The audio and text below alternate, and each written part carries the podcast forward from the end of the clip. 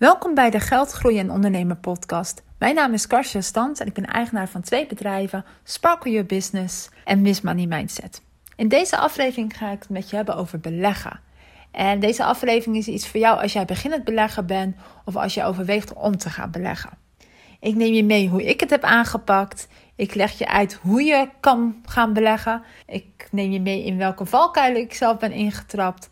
Ik ga vertellen over welke risico's je loopt met beleggen en hoe je die iets kan verminderen en met welk geld je kan beleggen. Maar eerst even een disclaimer. Uh, deze podcast is geen persoonlijk beleggingsadvies. Ik vertel je meer mijn verhaal, maar dat hoeft natuurlijk helemaal niet van toepassing op jou te zijn. Als je wil gaan beleggen, lees je in, vraag advies. Want beleggen neemt risico's met zich mee. Maar ik ga je eerst even vertellen waarom ik ben gaan beleggen. Ik ben nu een half jaar aan het beleggen. Er zijn bepaalde redenen waarom ik dat ben gestart. En de eerste is reden is de spaarrente. De spaarrente is natuurlijk enorm laag. Uh, bij sommige banken is die zelfs negatief. Dat je moet eigenlijk voor betalen om je spaargeld daarop te hebben. Nou, ik, vond dat een, uh, ja, ik vind dat frustrerend als mijn geld niks opbrengt. Dus dat is reden één waarom ik ben gaan beleggen. Ten tweede is dat ik eigenlijk dat ik geld voor me wil laten werken. En beleggen is natuurlijk één van de manieren om dat te laten doen. Ten derde is eigenlijk ook financiële vrijheid. Hè. Er zijn zeven fases naar financiële vrijheid. En hoe hoger je op die ladder komt van uh, die zeven fases. En als je nu denkt, waar heeft ze het over? Les dan even aflevering 1 over de zeven fases van financiële vrijheid. Maar hoe hoger je komt, hoe meer ik ervan overtuigd ben dat je moet weten hoe geld werkt.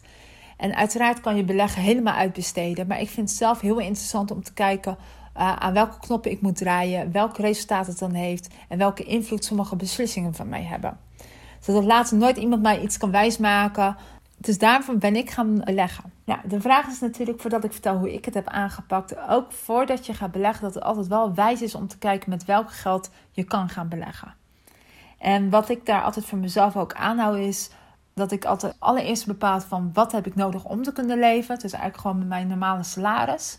Dat ik kan eten, dat ik dak boven mijn hoofd heb, uh, dat ik gewoon lekker uit eten kan gaan en op vakantie kan gaan. Daarnaast kijk ik hoeveel geld er in mijn buffer zit. En met buffer bedoel ik inderdaad het geld van als je nodig hebt als je auto een keer kapot gaat ineens. Of je wasmachine ineens kapot gaat. Uh, dat je dat altijd kan betalen.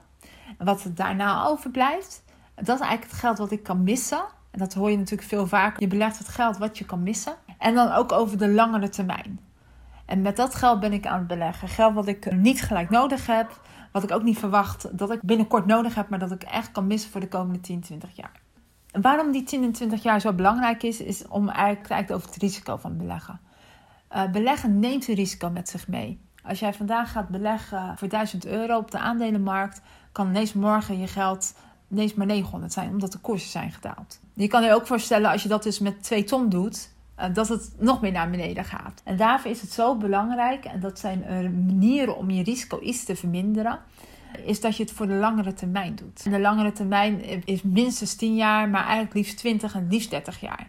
Kijk, de koersen van de aandelenmarkt die stijgen en die dalen. En zeker als je kijkt over de afgelopen 20 jaar, uh, zie je soms enorme koersdalingen. En wat we natuurlijk net hebben gehad met corona. Of je ziet enorme koersstijgingen dat is een speelveld. Het is een, zo lopen de aandeelkoersen. Dus als je voor langere termijn belegt, dus inderdaad 20, 30 jaar, weet je dat je één keer in de 10 jaar ineens een dip krijgt. Je weet dat een keer die markt weer gaat stijgen. Dus dan ben je wat rustiger over als je geld ineens iets minder waard wordt. En dat is natuurlijk op langere termijn. Kijk, en wil je over 10 of 20 of 30 jaar dat geld van je beleggingsrekening afhalen, dan kan je altijd natuurlijk even kijken wat, hoe de markt er nu uitziet. Dat je daar vijf jaar van tevoren eens gaat kijken van... hé, hey, wat gebeurt er? Wanneer is de laatste uh, daling geweest? En dat je daarop anticipeert. Een tweede manier om jouw risico iets te verminderen is spreiding. Ga niet op vol op één aandeel of op één obligatie, maar spreid het over diverse aandelen, over diverse obligaties. ETF is natuurlijk wat je tegenwoordig heel vaak hoort. Leg daar over verschillende dingen. En ga ook kijken naar verschillende landen of verschillende uh, producten dat je keer in grondstoffen gaat beleggen. Alles om de kans dat het één aandeel naar beneden gaat, dat misschien iets anders het compenseert en dat je niet een enorme daling in je eigen geld kan krijgen. De spreiding en op lange termijn zijn wel manieren die ik zelf ook gebruik om het risico van beleggen te, te verminderen. Ik leg zelf elke maand in diverse dingen, daar vertel ik zo meer over, geld in. Ik heb niet in één keer een enorm groot bedrag ergens ingestopt. Dat kan wel natuurlijk, Maar ik vind het gewoon fijn om elke maand een klein bedrag over te maken op die beleggingen. En dat ja, voor 10, 20, 30 jaar gewoon vol te houden. Dat je het geld kan zien groeien. Ik zou ook altijd willen aanraden om altijd toch nog wel een bedrag te blijven sparen. Gewoon geld dat je altijd bij kan. Ja, ik heb dat zelf ook. Ik beleg geld, maar ik heb ook gewoon een spaarrekening. Hoe verdien je geld aan beleggen? Ja, heel simpel. Je koopt een aandeel voor 1000 euro. Dat aandeel stijgt in koers of dat daalt in koers. En als die koers stijgt, dan verdien je daar geld mee. Je kan ook geld verdienen aan dividend of couponrente. Dus als de, je koopt natuurlijk met de aandeel eigenlijk een stukje bedrijf.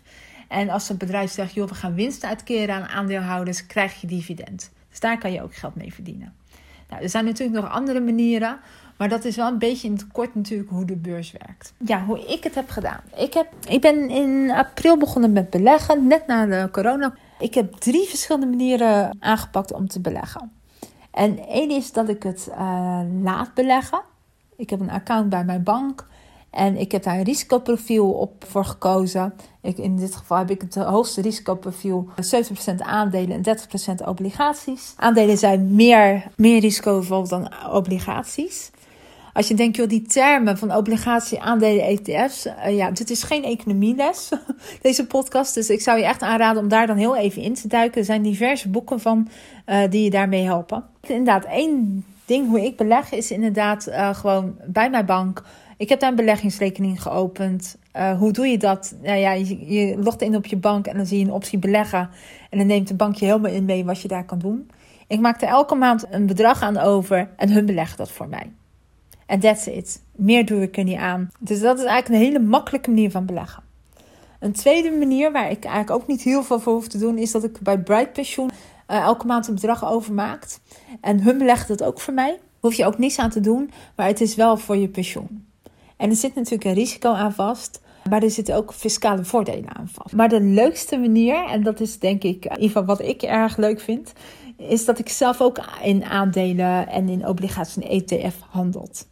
En ik doe dat bij de Giro. En de Giro is best een eh, bekende instelling. Stort er elke maand een bedrag in en daar koop ik zelf aandelen, obligaties en ETF's mee. Hoe dat werkt, voor mij was het inderdaad ook een uitzoekplaatje. Want het is heel grappig. Ik heb daar volgens mij ook al vaker over gehad. Je leert op school echt van alles, maar niet hoe je inderdaad moet gaan beleggen. Hoe, hoe pak je dat nou aan? Je maakt een account aan op die site en dan krijg je een beleggingsrekening. En met, op die rekening kan jij geld storten van je eigen bankrekening naar de Giro toe. En als je daar eenmaal geld op kan staan, kan jij dus aandelen kopen of obligaties.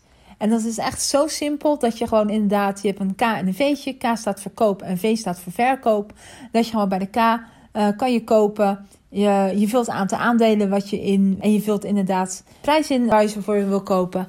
En als het een beetje mee zit, heb je ze gewoon in de pocket. Dus zo simpel is eigenlijk het kopen van aandelen geldt ook voor obligaties en geldt ook voor ETF's. Ik vind het heel leuk. Als je het niet laat doen, dus zeg maar niet mijn andere twee opties, uh, is de die natuurlijk wel intensiever. Uh, ik volg ook echt het nieuws. Ik volg bedrijven. Ik lees het Financieel Dagblad. Ik denk zelf gewoon slim na van... hé, hey, wat gebeurt er met de olieprijs? Of wat ja, uh, trends zijn er allemaal in de wereld. Om daar dan mee te gaan beleggen met die kennis neem je mee in de valkuilen. Want ik ben in zelf een aantal valkuilen getrapt.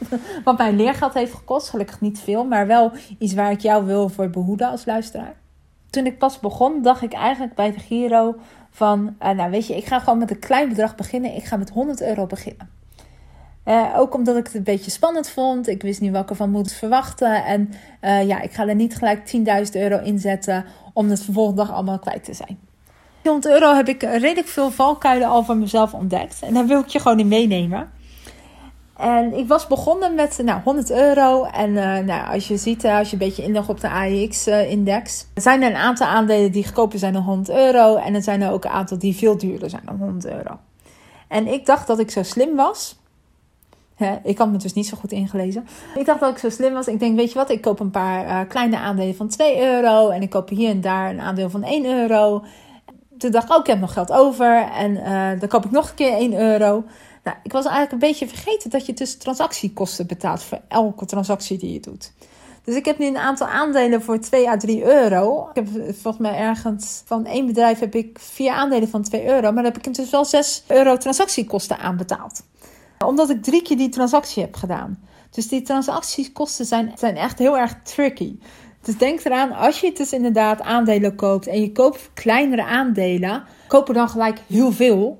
En niet iedere keer zoals ik dus drie keer twee aandelen, doe ik gewoon één keer zes aandelen. Dan heb je maar 2 euro transactiekosten bij de Giro. En ik had nu voor 3 maal 2 aandelen 6 euro transactiekosten. Dus dat is inderdaad, denk aan de transactiekosten. Wat je daar ook nog in mee wil geven, is natuurlijk als jij een aandeel koopt van 2 euro, die aandelen, als je, je kan het bij de Giro zien per aandeel wat ze over een jaar en zes maanden hebben gedaan. Een aandeel van 2 euro zal nooit zo snel 15 euro worden. Dus inderdaad, als jij 2 euro transactiekosten hebt voor twee aandelen van een euro, dan duurt dat echt heel lang voordat je dat geld eruit hebt. Want die aandelen van een euro of van 2 euro gaan niet ineens 15 euro worden. Dus dat is denk ik de combinatie dat je denkt van hé, hey, uh, je moet transactiekosten betalen. En ook gewoon simpel nadenken en ook even kijken hoe het koersverloop is geweest de afgelopen tijd. Dan ga ik, die, ga ik dat geld er ook ooit uithalen. Ik heb bijvoorbeeld uh, aandelen, zes aandelen van 2 euro. Inderdaad, met 6 euro transactiekosten.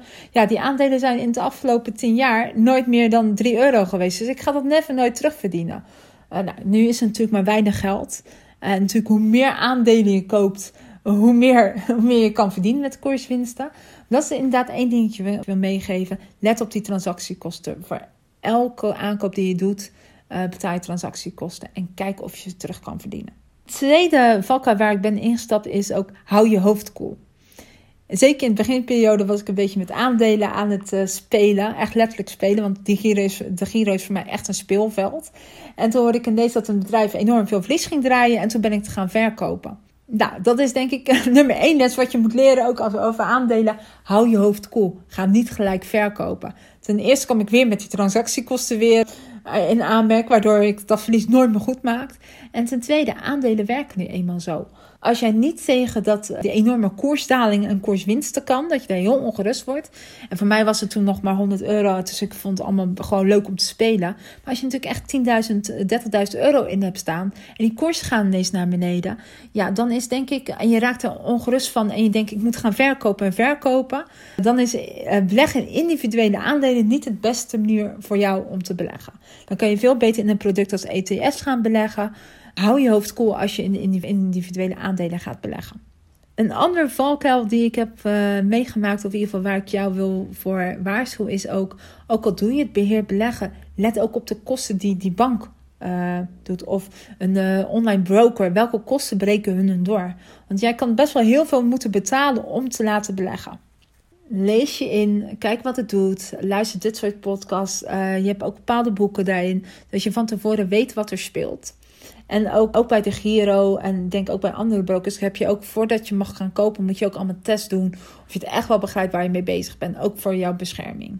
En realiseer je ook dat je op lange termijn aan het beleggen bent. Die koers kan naar beneden schieten, maar bedenk dat hij ook weer omhoog gaat. Ja, dit was een beetje het stukje over beleggen. Ik weet dat ik niet uh, volledig ben, ik, maar dit is gewoon mijn ervaring. Wil je gaan beleggen? Nogmaals, lees jezelf in. Ik hoop dat je bij uh, hiermee meer hebt geholpen. Wil je meer informatie en wil je werken met mij? Kijk dan even op www.sparkleyourbusiness.com of volg mijn Instagram Sparkle Your Business waar ik heel veel gratis tips deel. Tot snel!